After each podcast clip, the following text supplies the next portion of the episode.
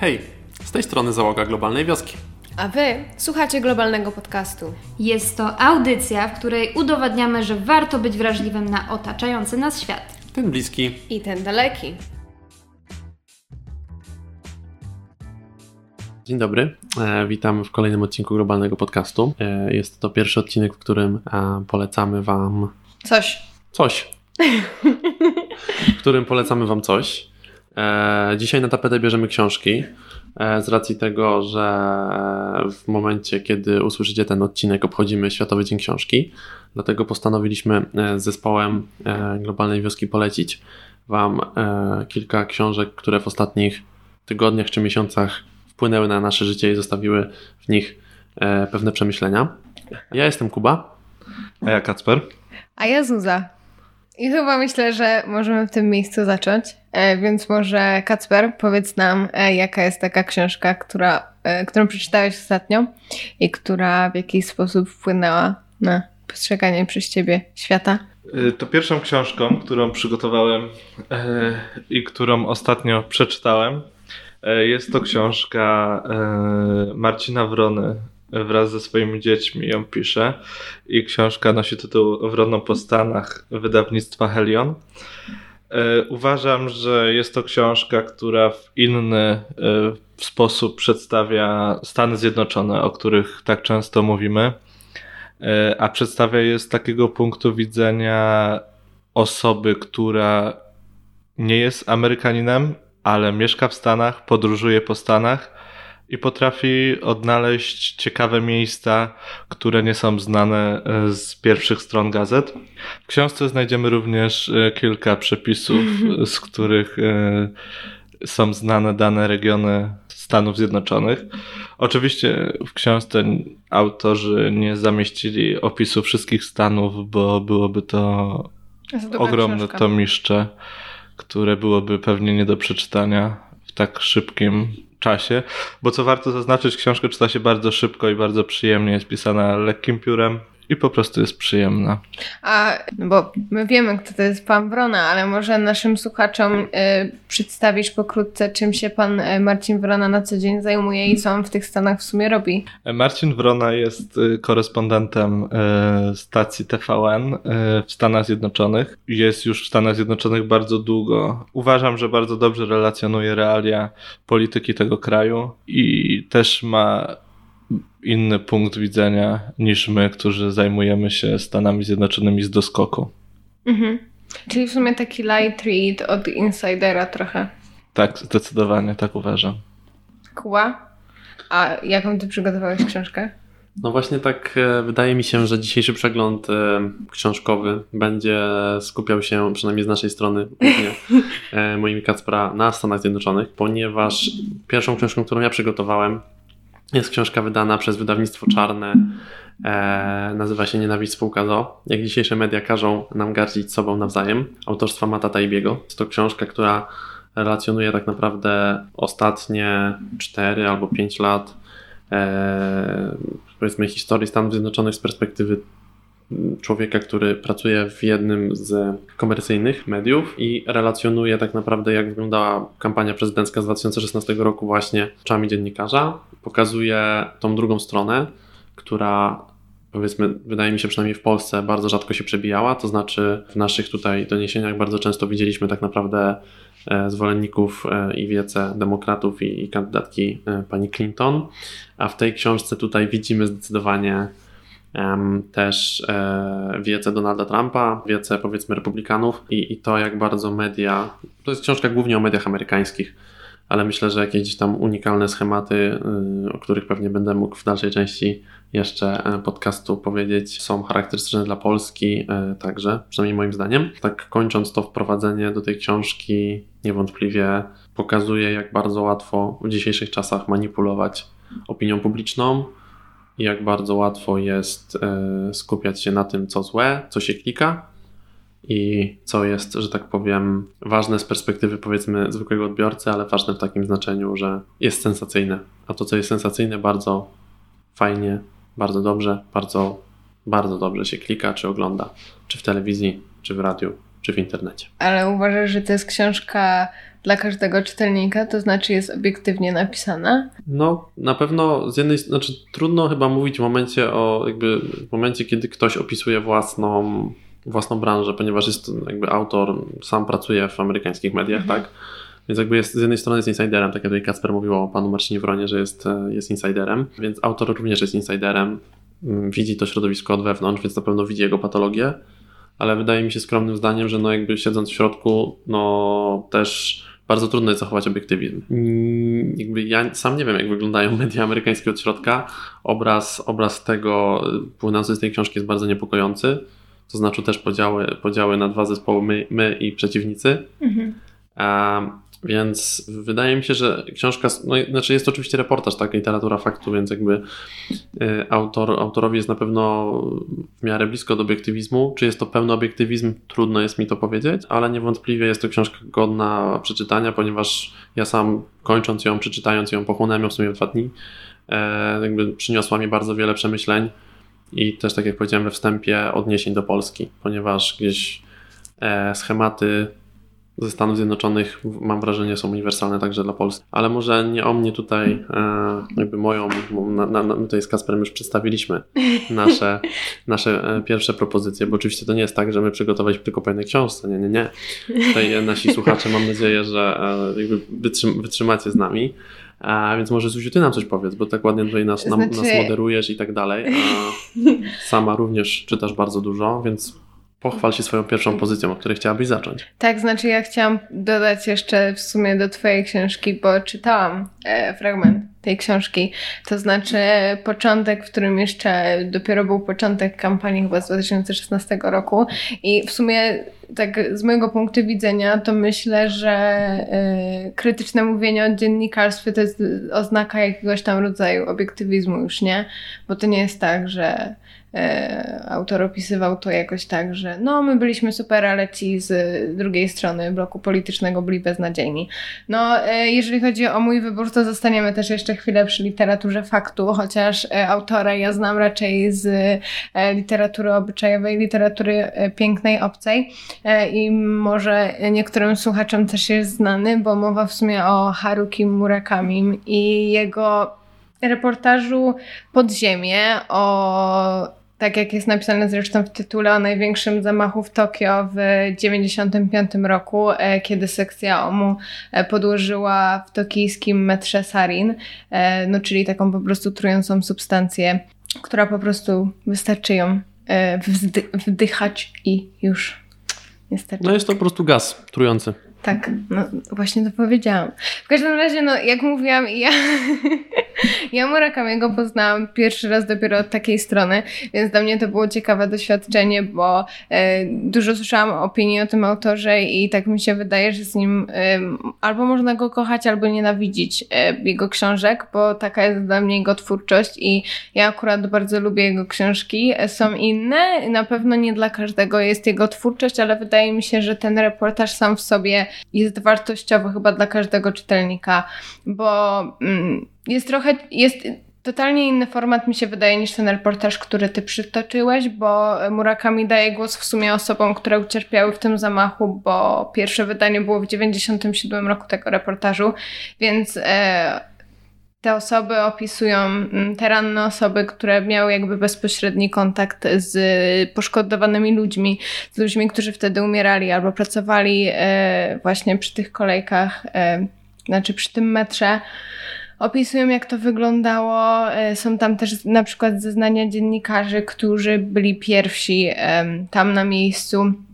Także myślę, że to jest pozycja trudna, bo wydaje mi się, że o ludzkich tragediach zawsze czyta się trudno yy, i to nie jest taka pozycja do, do poduszki e, czy na odmurzczenie, ale tak jak wiele reportaży, wydaje mi się, że jest bardzo e, warta przeczytania, dlatego że po prostu uświadamia, tak, w, w sumie o największym zamachu terrorystycznym, jaki miał miejsce w Japonii i też w ogóle o sekcie OMU, która jest tematem na totalnie inny podcast, ale jakby porusza tu trochę wątków, e, którymi ja, ja się osobiście zainteresowałam. Także to mi się wydaje, że jest dobrą oznaką książki, jeżeli później sięgacie na przykład do internetu i researchujecie więcej. Tak, a też właśnie warto zauważyć, że ten styl autora, e, tak jak rozmawialiśmy zanim zaczęliśmy nagrywać jeszcze, kiedy opowiadałaś mi o tej książce, że może to właśnie wynikać ten inny styl reportażu z tego, że wcześniej zajmował się całkowicie inną literaturą. Mhm. I tak jak mówiłaś, że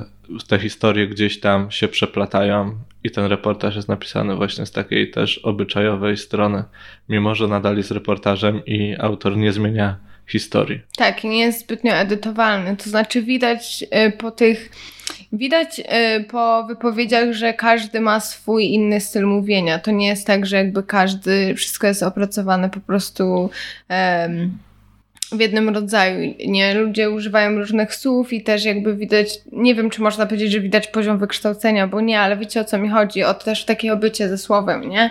E, dlatego, no. Niewątpliwie też plusem tego reportażu jest fakt, że został napisany bardzo świeżo po tych wydarzeniach, ponieważ mhm. zupełnie inaczej rozmawia się ze świadkami czy uczestnikami wydarzeń e, 10-15 lat po danym wydarzeniu, a co, co innego e, po kilku miesiącach czy tygodniach, tak? Niewątpliwie to jest na pewno wielka, wielka zaleta tego, tego reportażu, ale Zuziu, też tak jeszcze jedno do Ciebie pytanie, bo mówiłaś, że to jest jakby reportaż o trudnych, y, trudnej sprawie, bo niewątpliwie zamach terrorystyczny jest bardzo trudną sprawą, mhm. ale co mogłaś powiedzieć o języku? Czy jakby w jakim, jakim ten reportaż jest napisany, to znaczy, bo jest to niewątpliwie też zagmatwana sprawa, a mhm. każdy zamach terrorystyczny jest swego rodzaju specyficzny, inny, i bardzo trudno jest e, mówić o nim w taki sposób, żeby z jednej strony doceniać tragedię, mieć świadomość tego, co się zdarzyło, mhm. ale z drugiej strony zachować pełny obiektywizm, nie, stawiać po, nie stawać po żadnej ze stron. E, to znaczy, zazwyczaj my jako ludzie pewnie mielibyśmy tendencję do stawania po stronie ofiar, nie po stronie zamachowców. I pytanie, czy Murakamiemu się to udaje, a przy okazji, czy jest ten reportaż napisany w taki sposób, albo przynajmniej, czy próbuje być, a że się go czyta, a nie, że jest to opasłe tomiszcze, bo patrząc e, w, na książkę, którą trzymasz w tym momencie w rękach, mogę powiedzieć, że jest to dość gruba książka. Moja książka jest o wiele cieńsza, zawiera też bardzo dużo treści, a domyślam się, że e, książka Murakamiego jest jest, jest bardzo gruba, ale tutaj książka Kacpra, która będzie kolejna, jest jeszcze grubsza, więc e, pytanie do, do ciebie, Zuziu. To znaczy w sumie czyta się to dobrze, no bo to są zeznania ludzi, tak? To jest tak jakby się czytało po prostu wpis na ten temat i, i jeżeli chodzi o to, czy się łatwo czyta, czy, czy jakby jak wygląda ten język, to tak jak mówiłam, w sumie zależy od osoby, która się wypowiada, bo... Yy, tak jak wspomniałam, pierwsze wydanie było w 1997 roku, co oznacza, że wywiady były robione dość powiedzmy na świeżo po tej katastrofie, tak? Więc y, tutaj, biorąc pod uwagę aspekty psychologiczne, jak ludzie reagują na takie traumatyczne przeżycia, to niektórzy albo po prostu w głowie to wypychają, albo bardzo przeżywają. Y, dlatego też y, tutaj autor w sumie na samym początku wspomniał, że trochę osób się nie, nie zgodziło, albo ludzie, którzy już nagrali wywiad, po prostu nie zgodzili się koniec końców na jego publikację. Więc to zależy w sumie od podejścia danego człowieka, bo są tu ludzie, którzy faktycznie stracili tam przyjaciół, rodzinę, czy kogoś po prostu z bardzo bliskiego otoczenia, albo po prostu widzieli, że ktoś umiera, tak? E, są osoby, które okej, okay, widziały, ale uważają, że ta, taka jest kolej życia. I, I w sumie też każdy ma zadane na koniec pytanie, czego życzy y, tej sekcie OMU, czy po prostu na co ma nadzieję, że się stanie. No bo to oczywiście było chyba jeszcze przed procesem. Nie będę spoilerować w sumie, jak to się skończyło koniec końców. Zachęcam Was, żebyście prze przeczytali sami o tym. Bo tak jak Zuzia powiedziała, temat tej sekty, szczególnie lidera, to jest opowieść na zupełnie inną historię. Możliwe, że Zuzia zainspirowana dzisiejszym podcastem, lekturą Murakamiego, dodatkowym researchem zdecyduje się przygotować coś więcej na globalną mhm. Wioskę, ale niewątpliwie jest to lektura warta, czy temat warty pogłębienia. Tak, bo tak jak wy mówicie, myślę, że właśnie na przykład o, amerykańskich zamachach terrorystycznych bardzo często się słyszy, prawda? Tak jak o chociażby World Trade Center. Cały świat, myślę, wie o tym. Albo tak jak zamach na Kapitol, atak na Kapitol 6 stycznia e, tego roku, który był szeroko relacjonowany nie nazywam tego do końca zamachem, ale, ale, ale powiedzmy dość poważny incydent. No tak i myślę, że oboje mi przyznacie rację, że nawet yy, w, w Europie jakby mieliśmy do czynienia też z jakąś falą ataków, ataków terrorystycznych. Jesteśmy yy, właśnie w sumie świadomi, a ja szczerze mówiąc, nie specjalizuję się jakoś w historii Japonii. E, nie słyszałam za bardzo o tym zamachu i dlatego mówię, że bardzo mnie to pochłonęło, bo spędziłam trochę czasu chociażby czytając na temat tego wszystkiego, e, na temat tej sekty i tak dalej. E, Plus niewątpliwie jest to pierwszy reportaż Murakamiego, który ukazuje się w Polsce. Tak, bo do tej pory wszystkie w ogóle książki, nieliczny jego... Jeden z nielicznych, tak. No. Tak, bo jakby dużo osób, mówię, widziało go raczej z jego literatury pięknej obcej, tak? Myślę, że najbardziej takim mm, dziełem, które może zna każdy, kto słyszał to nazwisko, no to jest na przykład Norwegian Wood, które po prostu raczej, jeżeli ktoś sięga po Murakamiego, to to jest jedna z pierwszych pozycji. Też bardzo specyficzna, ale dlatego mówię, że i, no ja go za tę specyfikę uwielbiam. Ale w każdym razie e, przenieśmy się teraz może e, w trochę bliższe Polsce e, państwo, państwo? W sumie nie, w sumie nie wiem, czy to można tak do końca nazwać. W każdym razie Kacper nam na pewno odpowie na to pytanie. E, tak, ja bym powiedział, że zdecydowanie państwo, e, ale wiąże się to także z ogromną instytucją, jaką jest Kościół katolicki.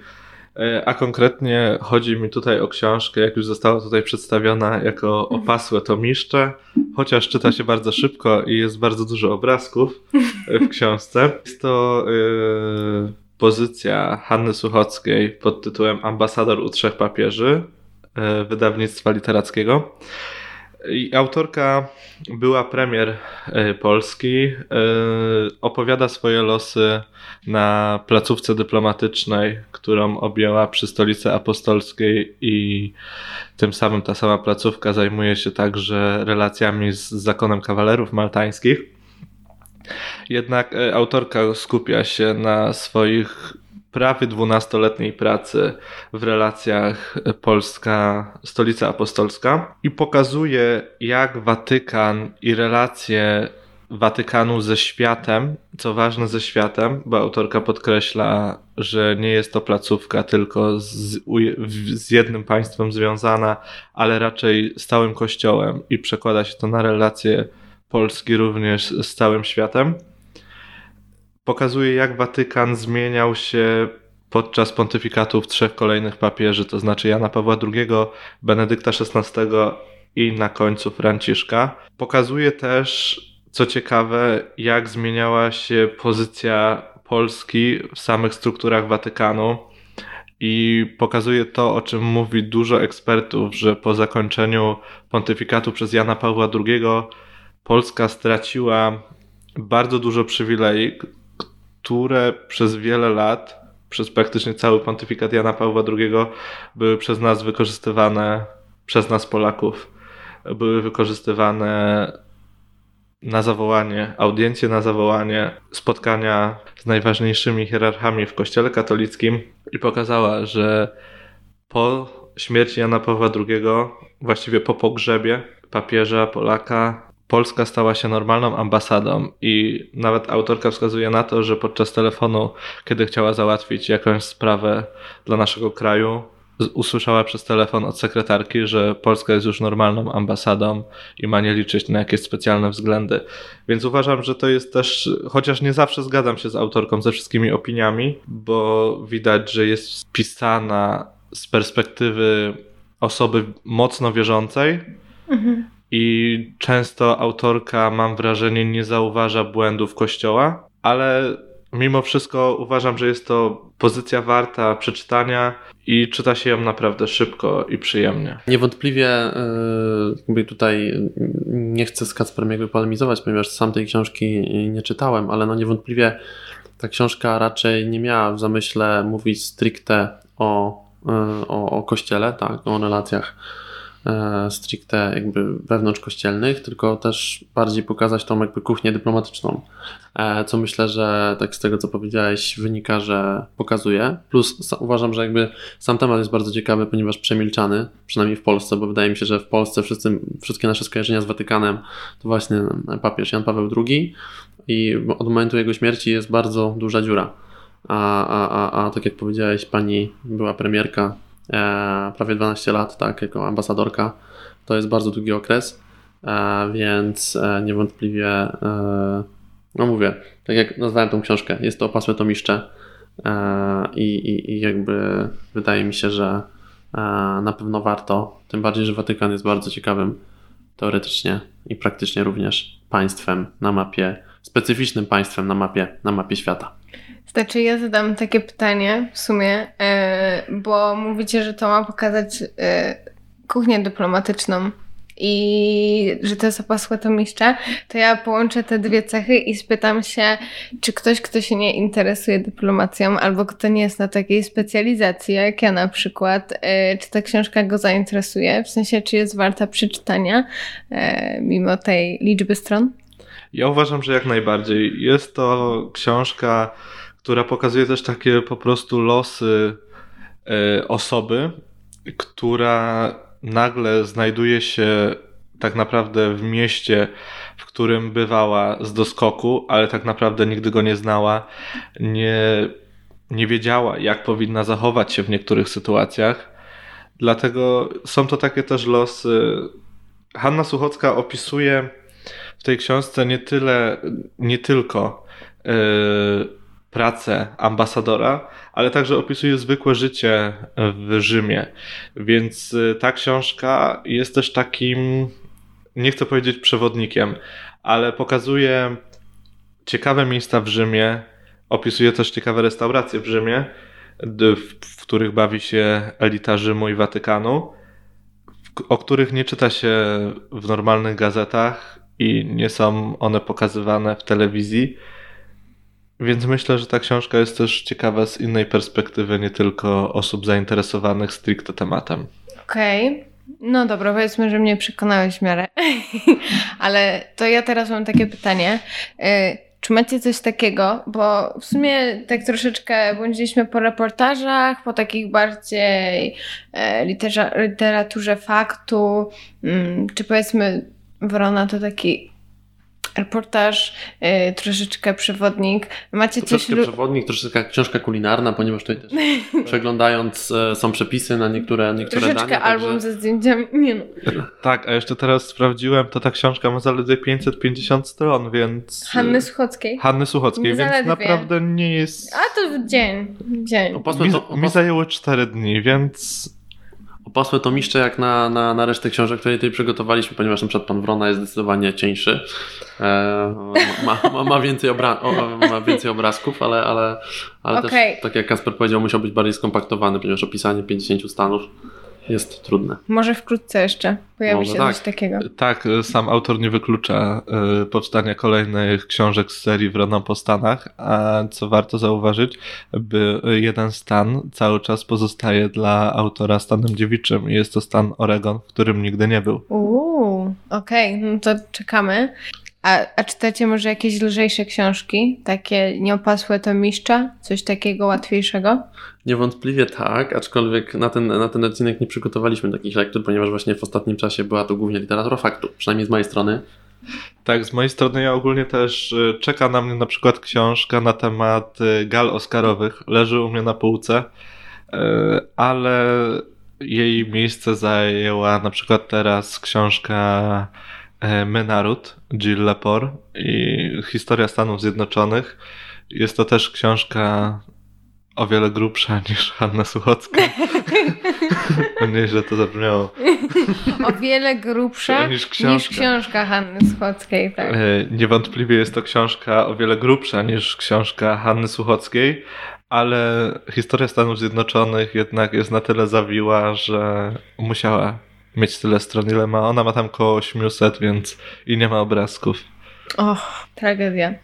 Dobra, to dawajcie cięższy kaliber. Ja bym jeszcze chciał dwa zdania powiedzieć o tej mojej nienawiści. Spółka o tej książce, o której zacząłem. E, dwa zdania, ponieważ ja uważam, że tą książkę powinien przeczytać każdy, kto chce być świadomym obywatelem, niezależnie od tego, czy w Polsce, czy w Stanach Zjednoczonych z tego powodu, że jest napisana bardzo wartkim językiem. Akcja też się dość dynamicznie, dynamicznie się tutaj powiedzmy toczy, chociaż jest to reportaż o mediach, co nie do końca mogłoby być wydawać się na pierwszy rzut oka takie prawdziwe i jakby w ogóle możliwe. E, ale niewątpliwie autor pokazuje tutaj, jak bardzo media w tym, w tym momencie, przynajmniej amerykańskie, ciągle będę mówił, że e, mówimy o tutaj, książka opisuje media amerykańskie, jak potrafią manipulować publicznością, dzielić na naszych i, i waszych i robić z polityki swego rodzaju mecz. Tutaj książka jest podzielona na, na kilkanaście rozdziałów. Nie chcę tutaj przytaczać ich do konkretnych, powiedzmy, nazw, mm, ale właśnie jeden z nich odnosi się do tego, że w relacjach wiele, wiele mediów czy, czy, czy, czy, czy wiele redakcji w Polsce też mamy, mam wrażenie, taką, e, taką tendencję do jakby robienia z polityki wydarzeń sportowych, to znaczy, że są, jesteśmy my i nasi przeciwnicy, tak? Nie ma takiego podejścia jakby koncyliacyjnego, tylko jest bardziej takie nastawienie na konfrontację. E, autor też pokazuje, jak bardzo łatwo z biegiem czasu na przestrzeni kilku miesięcy media mogą zmienić zdanie. Na przykładzie in, interwencji amerykańskiej w Iraku. Pokazuje, że pierwotnie prawie żadne medium generalnie nie popierało e, opcji za interwencją. Ale nie możesz tak spoilerować już. Nie spoilerujesz tak. A ja nie spoileruję. Ja No tutaj dobra. mówię, dlaczego jest ważna. E, Zresztą to, to jest jeden z. To są historie zapisane na, nie wiem, na 10 stronach z ponad 300, więc jakby to myślę, to nie jest tak duży spoiler. E, Ale generalnie dwa ostatnie zdania. Jeżeli chcecie odnaleźć się we współczesnym świecie, który jest coraz bardziej trudny, w momencie też, kiedy mamy do czynienia z fake, z fake newsami, a także powiedzmy clickbaitowymi tytułami, ta książka jest idealnie dla Was. Oczywiście na pewno autor nie ustrzegł się błędów, ponieważ też jest gdzieś tam, pewnie w pewnych miejscach jest tendencyjna, a, ale, ale generalnie, tak jak Zuzia powiedziała, jeżeli ktoś e, on też, autor sam wyraźnie podkreśla w tej książce, że generalnie naradził się wielu osobom, prawda? Bo opisuje, jest insiderem, opisuje to od wewnątrz, naradził się wielu osobom. Tak więc, Tak, i podaje też konkretne nazwiska, dokładnie. więc e, i wskazuje błędy konkretnych redaktorów telewizji. I konkretnych y, I, telewizji, i, i, gazet. i, konkretnych, y, I konkretnych redakcji, tak, tak zbieżnie to nazwijmy. Więc to jest jedna książka. E, I jeszcze chciałbym dwie polecić, w sensie jednego autora, Shit Show i Detroit. Ale jeszcze zanim polecisz, właśnie, bo mówisz cały czas, że książka odnosi się do Stanów Zjednoczonych i Polski, ale uważam, że w dzisiejszych czasach, w których żyjemy, odnosi się do pewnie większości państw e, zachodnich. e, Myślę, że głównie zachodnich, bo w państwach zachodnich głównie gdzieś ten podział aż przybrał taką formę, w której obecnie żyjemy. Ale Mhm. Myślę, dlatego uważam, że nie tylko Amerykanie, nie tylko Polacy, ale pewnie większość Albo osób wszyscy na świecie. albo wszyscy na świecie powinni zobaczyć, jak media potrafią nami manipulować, że czasem nie zdajemy sobie w ogóle z tego sprawy, bo możemy oglądać telewizję jakąkolwiek i wydaje nam się, że ona jest stronnicza, ale nie zauważamy tego, że telewizja, którą my oglądamy, czasem też nakierowuje nas na konkretne myślenie i robi to tak, żebyśmy podejmowali konkretne decyzje. Tak, dlatego mi się wydaje, że czasem to polega na tym, że krytykujemy jakiś tam biegun, jakąś tam skrajność, e, na przykład prawicową, a nie zdajemy sobie sprawy, że, że tak naprawdę e, każda partia czy każde ugrupowanie polityczne przecież rzeczywiście, że prowadzi jakąś tam narrację w telewizji. To nie jest tylko tak, że znienawidzone przez nas ugrupowania e, mają jakąś tam w cudzysłowie propagandowy, propagandowy język, nie? No i każdy z nas też żyje w swojej bańce, tak? Jakby wiadomo, że jeżeli jesteś bardziej lewicowy, to obserwujesz powiedzmy New York Timesa, Washington Posta e, czy Guardiana, a jeżeli jesteś bardziej, nie wiem, prawicowy, to, to śledzisz Fox News, na przykładzie właśnie chociażby Stanów Zjednoczonych. E, I żyjemy w tych bańkach, bardzo jakby zatracamy umiejętność dialogu z drugą stroną, z drugim człowiekiem i to jest bardzo smutne i to też jest takie właśnie przesłanie z tej książki płynące. I teraz chciałbym bardzo biegle przejść do dwóch kolejnych książek, e, o których powiem krócej. Generalnie e, autorstwa Charlie'ego Ledafa, czyli Dafa. Mm, Za jedną z nich dostał Pulitzera, teraz nie pamiętam za którą, czy za Detroit, czy za Shit Show. Ale on, autor generalnie sam pochodzi z Detroit i Detroit jest e, prawdziwym reportażem, bardzo brutalnym, bo autor generalnie nie, nie unika e, używania przekleństw i to na dość masową skalę. I generalnie też wchodzi tam, gdzie wielu reporterów bałoby się, bałoby się wchodzić, ponieważ jedzie chociażby ze strażakami e, na akcje i, i wchodzi do opuszczonych domów, które gdzieś tam są podpalane w Detroit. czy w sumie były podpalane, bo ten reportaż ma już kilka lat. E, jako, że Za Detroit. za Detroit, za Detroit dostał właśnie. No Detroit w sumie tak najbardziej stał się znany, ponieważ on sam pochodzi z Detroit, więc na pewno jest związany emocjonalnie z tym miastem i pięknie sportretował to miasto, które kiedyś było ikoną rozwoju przemysłu, e, głównie samochodowego, prawda? Mm, a, a teraz e, niestety, znaczy dopadł ogromny kryzys. Miasto powoli wychodzi z tego kryzysu, ale ciągle jest to, jest przed Detroit bardzo długa, bardzo długa droga, więc to jest taki tytuł już typowo dla ludzi, myślę, mam wrażenie, zainteresowanych stricte Stanami Zjednoczonymi, ale jest to świetny reportaż, bo mówię, jest napisany bardzo prawdziwie, mam wrażenie, bez owijania w jakąkolwiek bawełnę, a to jest też ważne, mam wrażenie, w reportażu. Ale chciałbym się troszeczkę dłużej skupić na drugiej książce, czyli na Shit Show. E, To jest też książka, która też jest związana z Donaldem Trumpem, z wyborami w 2016 roku, ale tam autor jeździ e, za oboma kandydatami i oddaje głos osobom wykluczonym, osobom z mniejszych miejscowości, tego, tego czego nie pokazywały mainstreamowe telewizje, czy lewicowe, czy prawicowe. E, I stara się wytłumaczyć, dlaczego Donald Trump wygrał w 2016 roku.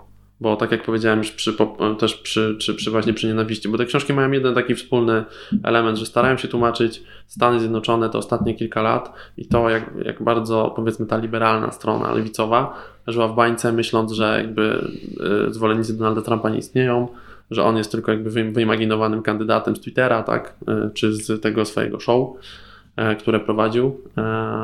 I, a, a obaj autorzy, i, i, i Ledaw, i, i Taibi, starają się pokazywać to z różnych właśnie płaszczyzn. Jeden z dziennikarskiej, od strony mediów, drugi od bardziej od, od, od, od generalnie e, amerykańskiego społeczeństwa. Jest w miejscach, gdzie lała się krew, e, gdzie, gdzie, gdzie powiedzmy e, do, dochodziło do oczywiście przemocy, e, która była, że tak powiem, efektem działań amerykańskiej policji e, i, i, i powiedzmy późniejszych protestów. Więc jest to też, myślę, jak na, tak jak widzieliśmy w 2020 roku, tak Stany płonęły przed wyborami w wielu miejscach. Ciągle się to, ciągle de facto się to w pewnym sensie dzieje. E, Więc ta książka jest na pewno aktualna e, i sam tytuł bardzo dużo mówi. E, Chciałem, dzisiaj, dzisiaj się skupiłem na tych trzech książkach, bo one wszystkie są bardzo do siebie podobne. Opisują jeden podobny temat i, i, i myślę, zachęcają przede wszystkim do tego, żeby gdzieś tam wychodzić ze swoich baniek i, i, i, i jakby doceniać przede wszystkim drugą stronę, nie traktować drugiej strony gorzej, tylko gdzieś tam równo patrzeć na każdego człowieka. E, Wychodzić z tego comfort zone. Dokładnie. i, wygody, i, nie? i, i, i, i, i, I nie myśleć gdzieś tam szablonowo, bo szablonowe myślenie zgubiło demokratów w 2016 roku, w 2020 nie zgubiło. Em, Ale nie ma na to zasady. Jak nie ma na to widzimy. zasady, oczywiście, że nie. Ja tu mówię o demokratach, bo, bo ja sam gdzieś tam w lewicowej bańce powiedzmy żyję i, i dla mnie zwycięstwo Hillary Clinton wydawało się dość, e, dość jasne. Natomiast e, wydaje mi się, że ta książka, wszystkie te książki pokazują taki bardziej prawdziwy obraz Stanów Zjednoczonych. Ponieważ my wszyscy myślimy Stany Zjednoczone, myślimy Nowy Jork, Manhattan, wieżowce, piękne amerykańskie życie, albo powiedzmy Las Vegas, tak, Kalifornia. A te książki też wychodzą z dużych miast, bardziej na stany środka, centrum. A tutaj Kasper mógł więcej powiedzieć, bo on jest Tak naszym właśnie, tutaj myślę o tym, że jak mówisz o Detroit, mówisz potem o shit show, bardziej teraz się skupię niż na e, nienawiści. Wydaje mi się, że to, jest, to są właśnie rzeczy, przez które demokraci bardzo przegrali, obydwie, bo Detroit, e, czyli sta, e, stan, Michigan. Michigan, e, czyli pasy rdzy, czyli to są upadłe, upadłe w sumie ośrodki, które zajmowały się produkcją metalową, które stąd się wzięła nazwa pasy rdzy, które w dużej mierze przyczyniły się do właśnie przegranej, tak uważam, e, przegranej e, demokratów w 2016 roku i dlatego Potem demokraci starali się to odbudować i myślę, że w jakiejś części udało im się i też pokazują to wyniki y, z zeszłego roku, gdzie większość tych stanów jednak praktycznie wszystkie stany z pasa rdzy y, przeszły na rzecz demokratów. Więc może jednak płyną z tego takie wnioski, że demokraci odrobili lekcję. Zobaczymy, co będzie później. Dokładnie, zobaczymy, co będzie. No, tak. widzę, że tutaj takie amerykańskie Tutaj amerykański nauki kącik jest, amerykański kącik jest bardzo mocny, ale Tak. oczywiście e, gdzieś tam naszym celem na globalnej też jest pokazywanie nie tylko Stanów Zjednoczonych, chociaż w Stanach dużo się dzieje, wielkie państwo, mocarstwo, ale na całym świecie się dużo dzieje, także tak nam dzisiaj wyszło. Mamy nadzieję, że w następnych odcinkach podcastu będzie trochę mniej o Stanach Zjednoczonych, Jeszcze- a więcej o reszcie świata. Natomiast powiedzmy, my znowu z oceanu wracamy. Wracamy. Gdzie wracamy, Zuzanno? To znaczy, ja w ogóle przygotowałam jeszcze jedną książkę, totalnie z innej beczki, bo stwierdziłam, że trochę dzisiaj tej literatury Było faktu ciężko, było ciężko. ciężko. Znaczy, ja nie mówię, że będzie lżej, bo przygotowałam książkę, która jest równie trudna, ale jest trudna. No, nie wiem, nie wiem jak to powiedzieć. Chciałam powiedzieć, że jest trudna w inny sposób, ale to jest inny rodzaj przytłoczenia niż przytłoczenie światem otaczającym takim realnym, bo to jest już bardziej fikcja. A mówię o nieznośnej lekkości bytu Milana Kundery. E, to jest czeski autor. Notabene jego e, książkę tłumaczyła na język polski Agnieszka Holland. Znamy? Znamy. Oczywiście. E, w Też każdym- związana ze Stanami w pewnym sensie. O matko. Tak, e, kręciła, e, znaczy kręciła, reżyserowała kilka odcinków House of Cards. Dobra, my, my się przenosimy do praskiej wiosny, dobra? Bo w sumie to e, część akcji, to znaczy rozgrywa się w tych czasach, w takiej rzeczywistości po tej praskiej wiośnie, e, która miała miejsce w 68 roku. E, I to jest książka o miłości, ale to nie jest książka o miłości w taki trady- tradycyjnie rozumiany sposób. To jest e, książka o w ogóle. Już sam tytuł je- był dla mnie przytłaczający, jak go usłyszałam. Nieznośna lekkość bytu. Ja się poczułam, jakbym miała zaraz czytać rozprawę filozoficzną, i, i trochę tak było, bo książka no w sumie mówi i o lekkości życia, i o ciężarze życia, i o miłości, i wszystkich stronach takich. I też Kundera unormalnia to, co dla nas mogłoby być szokujące. E, robi z tego coś takiego powszechnego w życiu. E, nie chcę spoilerować, ale no na przykład dość normalna w tej książce jest po prostu zdrada, tak? E, Jakiego rodzaju zdrada, Zuziu? Bo tutaj zdrada jest, zdrada ma wiele wymiarów. to zależy. To mogła być podwójnie rozumiana zdrada, bo jednocześnie mentalna, jednocześnie fizyczna. E, Mówiłaś, że nie, nie będzie filozoficznie, a kiedy już są podwójne znaczenia, to już ja mam do filozofii Tak, ja jest powie- jeden krok. Troszeczkę, troszeczkę filozoficznie na pewno tutaj jest, bo Milan Kundera jest też takim autorem. Em, no, to też nie jest, widzicie, ja szukuję książki, która nie jest dla każdego, bo to są trudne książki. To są książki, które można albo, wiecie, po 20 stronach się poddać i stwierdzić, że nigdy w życiu już do niej nie wrócę, e, albo przeczytam do końca i będę wychwalać każdemu, bo ja też trochę mam manię, że polecam tę książkę każdemu, z kim po prostu rozmawiam o książkach i jakoś tak zejdziemy na literaturę piękną. E, w każdym razie e, no głównym bohaterem jest Tomasz, który po prostu też ma swoje całe, no przez te wszystkie strony e, ma różne rozterki. E, jest tu trochę historii, jest tu też trochę o patriotyzmie, e, właśnie w tym czeskim znaczeniu. E, I no nie wiem, ja tę książkę lubię i będę do niej pewnie wracać, bo to nie jest książka, którą da się jakoś tak e, totalnie zrozumieć po jednym przeczytaniu. Dlatego myślę, że będę do niej wracać. E, I, I co jest tu dziwne od innych książek z literatury pięknej, właśnie obcej, które czytałam, to jest to, że jest taka kompozycja totalnie pomieszana. To nie jest ciąg przyczynowo-skutkowy. E, I to też wydaje mi się, że przys- może przysparzać trudności przy czytaniu, bo w momencie, kiedy wiecie, wiecie, że coś się stanie, zanim to się stanie w książce i zanim to zostanie opisane, to macie trochę taki może niedosyt, że to i tak nie idzie, wiecie, w takim chronologicznym e, cyklu, ale no taka trochę filozoficzna, ale myślę, że i tak bardzo przeczytanie. Powiedziałaś, że będziesz na pewno tej książki wracała. Myślę, że każdy z nas tutaj ma takie książki, które raz w życiu przeczytał i do których będzie wracał. Moją książką pewno jest Orwell, George Orwell, rok 1984. E, a Kacprze, twoja?